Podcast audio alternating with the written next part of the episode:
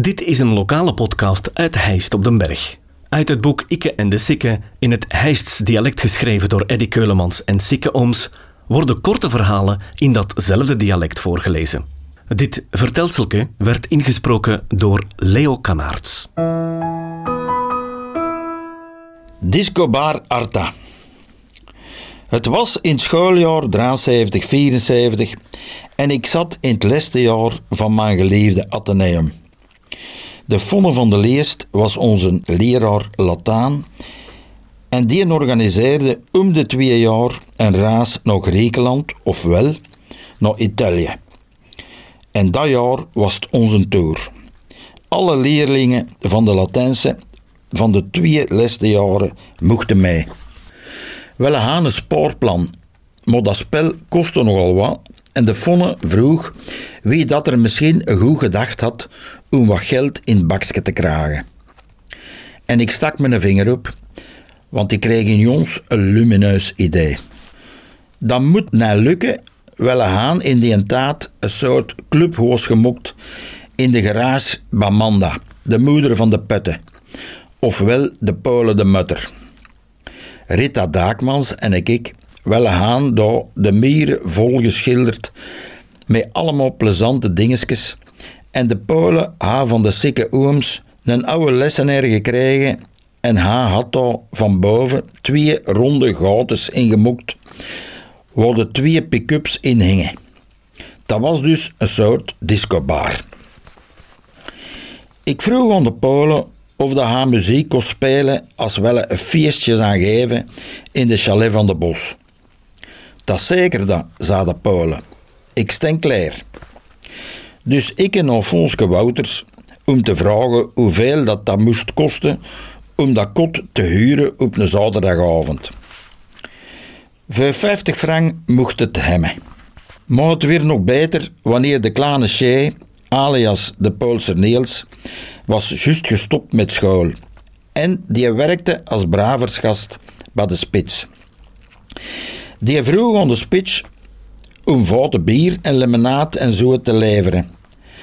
En dat weer apart geheven van de drank van de voetbalploeg. En de spits die kwam zanderendaags de overschot terug oppikken.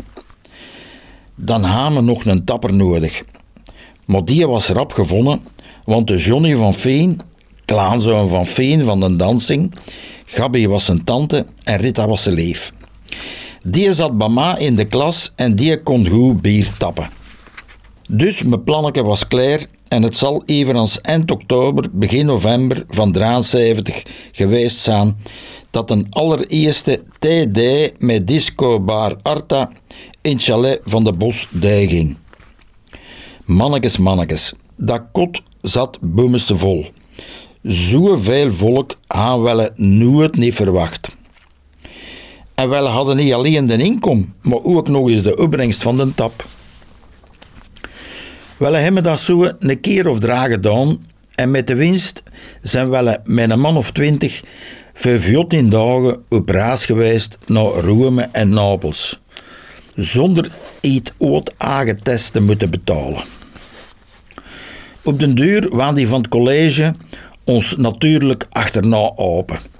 Maar die van de voetbal waren ook geen apen. Die hun frank was gevallen en die haan de spits met zijn klikken en klakken boten geschot. En die zette er eigen mensen achter de tapkraan. En het schooleken was oud. Je mocht het kot nog wel huren, maar je kreeg zelf niks meer van een tap. De volgende jaren zijn daar in de houten kot tientallen TD's gegeven, totdat de Polen met zijn discobar verhoost is naar boven op het bergbos. Het tijdperk van de groene panter was aangebroken. Voor de mensen van het Goer en Schriek de groene panter. Ik heb deze stukje geschreven speciaal voor mijn goede maat de Putte, ofwel de Polen de Mutter.